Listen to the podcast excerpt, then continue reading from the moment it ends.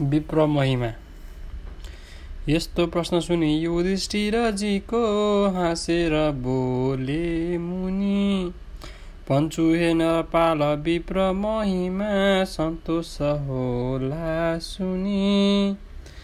एउटा हैहय नामका नरपति ठुला प्रतापी थिए। आफ्नो राज्य तथा प्रजा सुजनमा कीर्ति लिए मार्छु जङ्गलका अनेक थरीका तिहिन्छ जन्तु भनी। राजा खेल्न गए सिकार वनमा सशास्त्र सजित बनी। ओडेका मृग जन्म कश्य परिसी गर्थे तपस्या बसी। तिनलाई मृगधानी हय हय उभे केही दूर मान्दै खुसी। टाढैबाट गरेर लक्ष्य सरले हानिदिएथे जब छाती कश्यपको विदीर्ण सहजै पारिदिएथ्यो तब पहुँचे लिन्छु भने सिकार नगी चाहिँ दौडेर ती है हय ज्ञानी कश्यपलाई लिन तपमा देख्दा भए निर्भय लागे हेर्न उभेर तिनर पति आश्चर्य मानिकन थाले भन्न बुझाइ कश्यप मुनि तिबुपतिको मन। हेर्दछौ तिमीले मलाई यसरी आश्चर्य मानिकिन थामी धर्म र सत्य निष्कपट भई गर्छन् दया जो जन। सक्छन् राख्न ती काललाई बसमा आफ्नो ठुलो शक्तिले। तस्मात धर्म ठुलो बुझेर मनमा गर्नु दया युक्तिले मैले पाप गरे भनेर मितिले पर्दैन मान्नु डर। शङ्का त्याग गरी प्रसन्न मनले फर्केर जाऊ घर। ज्ञानी कश्यपको कुरा सुनिसकी खुसी भए है हय। तिनको पूजन भक्तिपूर्वक गरी फर्के धरै खरै निर्भय। मार्केन्डेरजीले भने नरपते आख्यानहरूको पनि पञ्चु सुन्नुहोस् प्रसन्न मनले सन्तोष होला अनि पत्नीलाई भने कुनै दिनमा ज्ञानी मुनि अत्रीले जान्छु लौ तप गर्न घोर वनमा श्रीकृष्णको भक्तिले। स्वामीको सुनि बात यो सुमुखीले बिन्ती गरिन् सादर केही सम्पत्ति ल्याउनु होस् हजुरले सन्तानका खातिर। पत्नीको सुनियो कुरा मुनि गए श्री वैष्णव राजा कहाँ?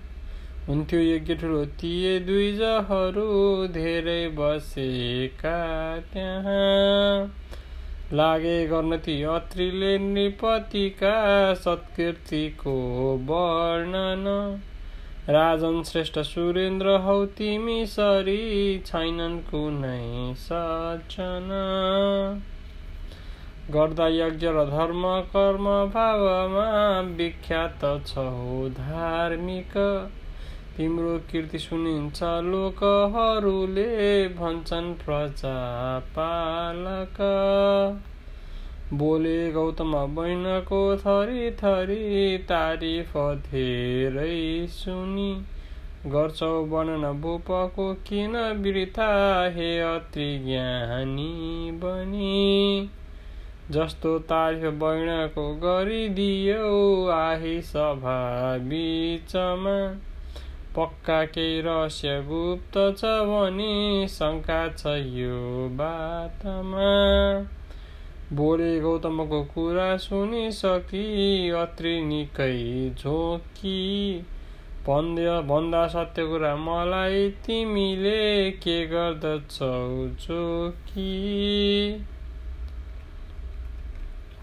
जो तिमी समान अरूको तारिफ सुन्दा पनि दिन्छन् दोष अवश्य आफू गुणमा सानो हुनेछु भनी। लाग्यो वन विवाद अधेर दुईको त्यहाँ अरू जो थिए। गर्दैछन् दरबारमा यी झगडा के हेतु भन्दा भए। लागे भन्न सनत कुमार मुनिको मध्यस्थता मान्दछौँ। जे भन्छन् तिनीले प्रसन्न मनले हामी दुवै गर्दछौँ। पहुँचाए तिनलाई झट्ट सबले सामने मुनिका जब लागे भन्न सनत कुमार मुनिले जाने बुझेको सब। राजा भई नजुकी कतैतिर पनि इन्साफ जो गर्दछन्। शक्तिले धनले प्रजा सुजनको सन्ताप जो हर्दछन् ती हुन् इन्द्र भनेर जान्नु सबले हो बात यो नीतिको।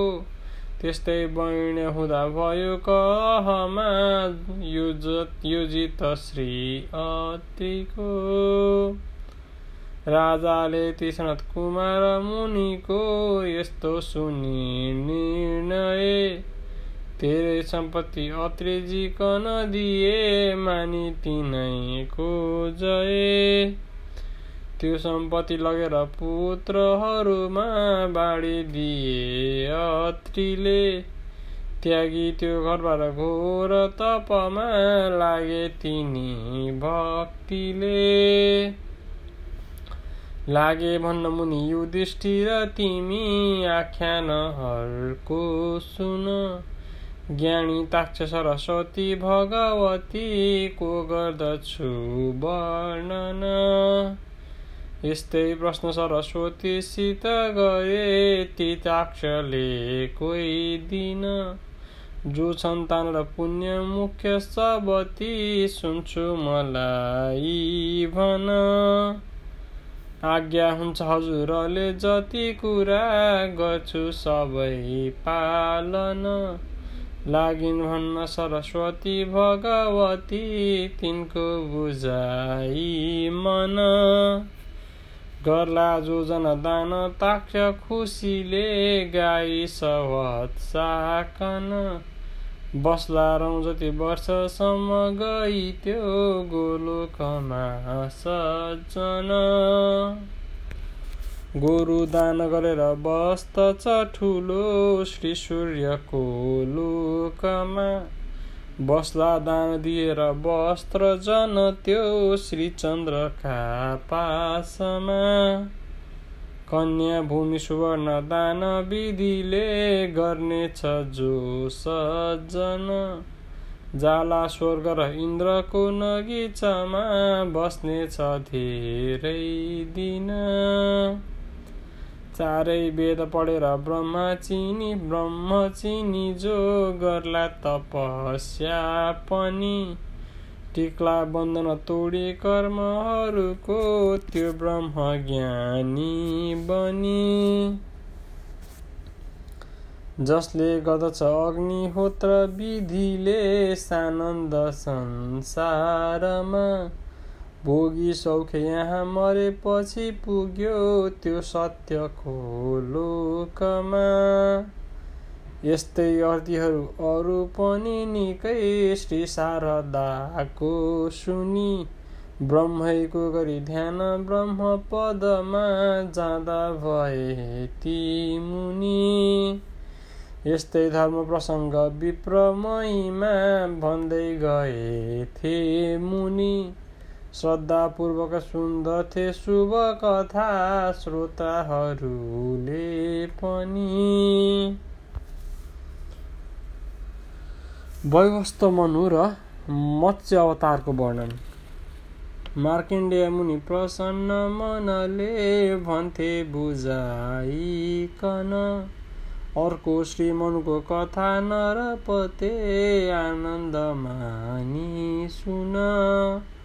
छोरा एक थिए सुशील रविका सत्पात्र वैवस्त अर्को नाम पनि थियो ती मनुको प्रख्यात सत्यव्रत। एउटा मत्स्य पुगे कुनै दिनमा दिनमा तिनलाई बन्दो भयो। हे ज्ञानी मनुजी असाध्य डरले मेरो त सातो गयो। खान्छन् ती बलवान मत्स्यहरूले खोजेर साना कन। रक्षा गर्नुहोस् प्रभु हजुरले आतिन्छ मेरो मन। माछाको सुनि त्यो कुरा मनुजीले स्वीकार गर्दा भए। गाग्राको जलमा सुरक्षित गरी त्यो मत्स्य राखिदिए। चाँडै नै बढी मत्स्य त्यो जलमा टिक्नै नसक्ने भयो। बोकी श्रीमनुले सरोवरमा त्यसलाई राख्नु पर्यो। केही कालमा सरोवर पनि सानो भएथ्यो जब गङ्गाको जलमा लगेर मनुले राखिदिए तब। धेरै स्थूल भएर टिक्न नसकी गङ्गा जलैमा पनि। राखेथे मनुले लगी उदधीमा ठुलो दयालु बनी। लागे भन्न पुगेपछि जलधिमा हाँसेर ती मत्स्यले रक्षा गर्नुभयो ठुलो जतनले मेरो सदा नाथले त्यसको प्रतिपकार गर्न अहिले मौका छ राम्रो भनी। पञ्चु हे मनुजी महाप्रलयको आएछ बेला पनि। एउटा नाउ बनाई खुब बलियो सप्तर्षिका साथमा। बस्नु पर्छ हजुरले जतनले डोरी लिई हातमा होला भेट पछेर पर्खनु पनि यही स्थानमा नाथले। होला चिन्न हजुरलाई सजिलो मेरा दुवै सिङ्गले पहिले ब्राह्मणले कहे जति सबै बिजादी खोजिकन राख्नु नाउमा सुरक्षित पछि चाहिन्छ हे सज्जन। मेरो शक्ति बिना सकिन्न कहिल्यै त्यो सिन्धु पारी हुन। यस्तो अतिथि बिलिन हुन गो त्यो मत्स्य सोही क्षण। सारा बिजलिएर सात दिनमा सप्तर्षिका साथमा ढुङ्गा माथि बसिरहे मनु त्यहीँ डोरीले हातमा राजन आइपुग्यो महाप्रलयको त्यो काल बेला जब ढाक्यो भूमि समुद्रको जल बढी बाँकी नराखी सब। ठुलो वायु चल्यो ढलै गिरी गुहा वृक्षादि औ जङ्गल। ढाक्यो भूमि सबै दिशा उदधिको उर्लेर बढ्दा जल। ढुङ्गा माथि बसी डुले मनु पनि सप्तर्षिका साथमा। हुन्थ्यो नाउ डुबे सरी घरि घरि त्यो सिन्धुका छालमा। केही काल बितेपछि ती मनुले लागेर साह्रै डर। थाले स्तुति गर्न मत्स्य भगवान् आएर रक्षा गर। तिनको बिन्ती सुनि दयामय दया लागेर सोही खरी आए दिव्य प्रभा फिजाइ नगिचै ती मत्स्य रूपी हरि। जसको स्वर हजार योजना बढी नै देखिन्थ्यो तन। त्यस्ता श्री भगवानलाई सबले ठोगी खुसी भइकन। डोरीले सिंहमा तुरुन्त मनुले बाँधिदिए बन्धन। उर्लेको जलमाथि नाउ सहजै लागे तिनी खैचन। ढुङ्गा तानिरहे निकै दिन तिनी थाक्दै नथाकिकन। सप्तर्षु मनदेखि बाहेक अरू देखिन्नथे कोहीजन।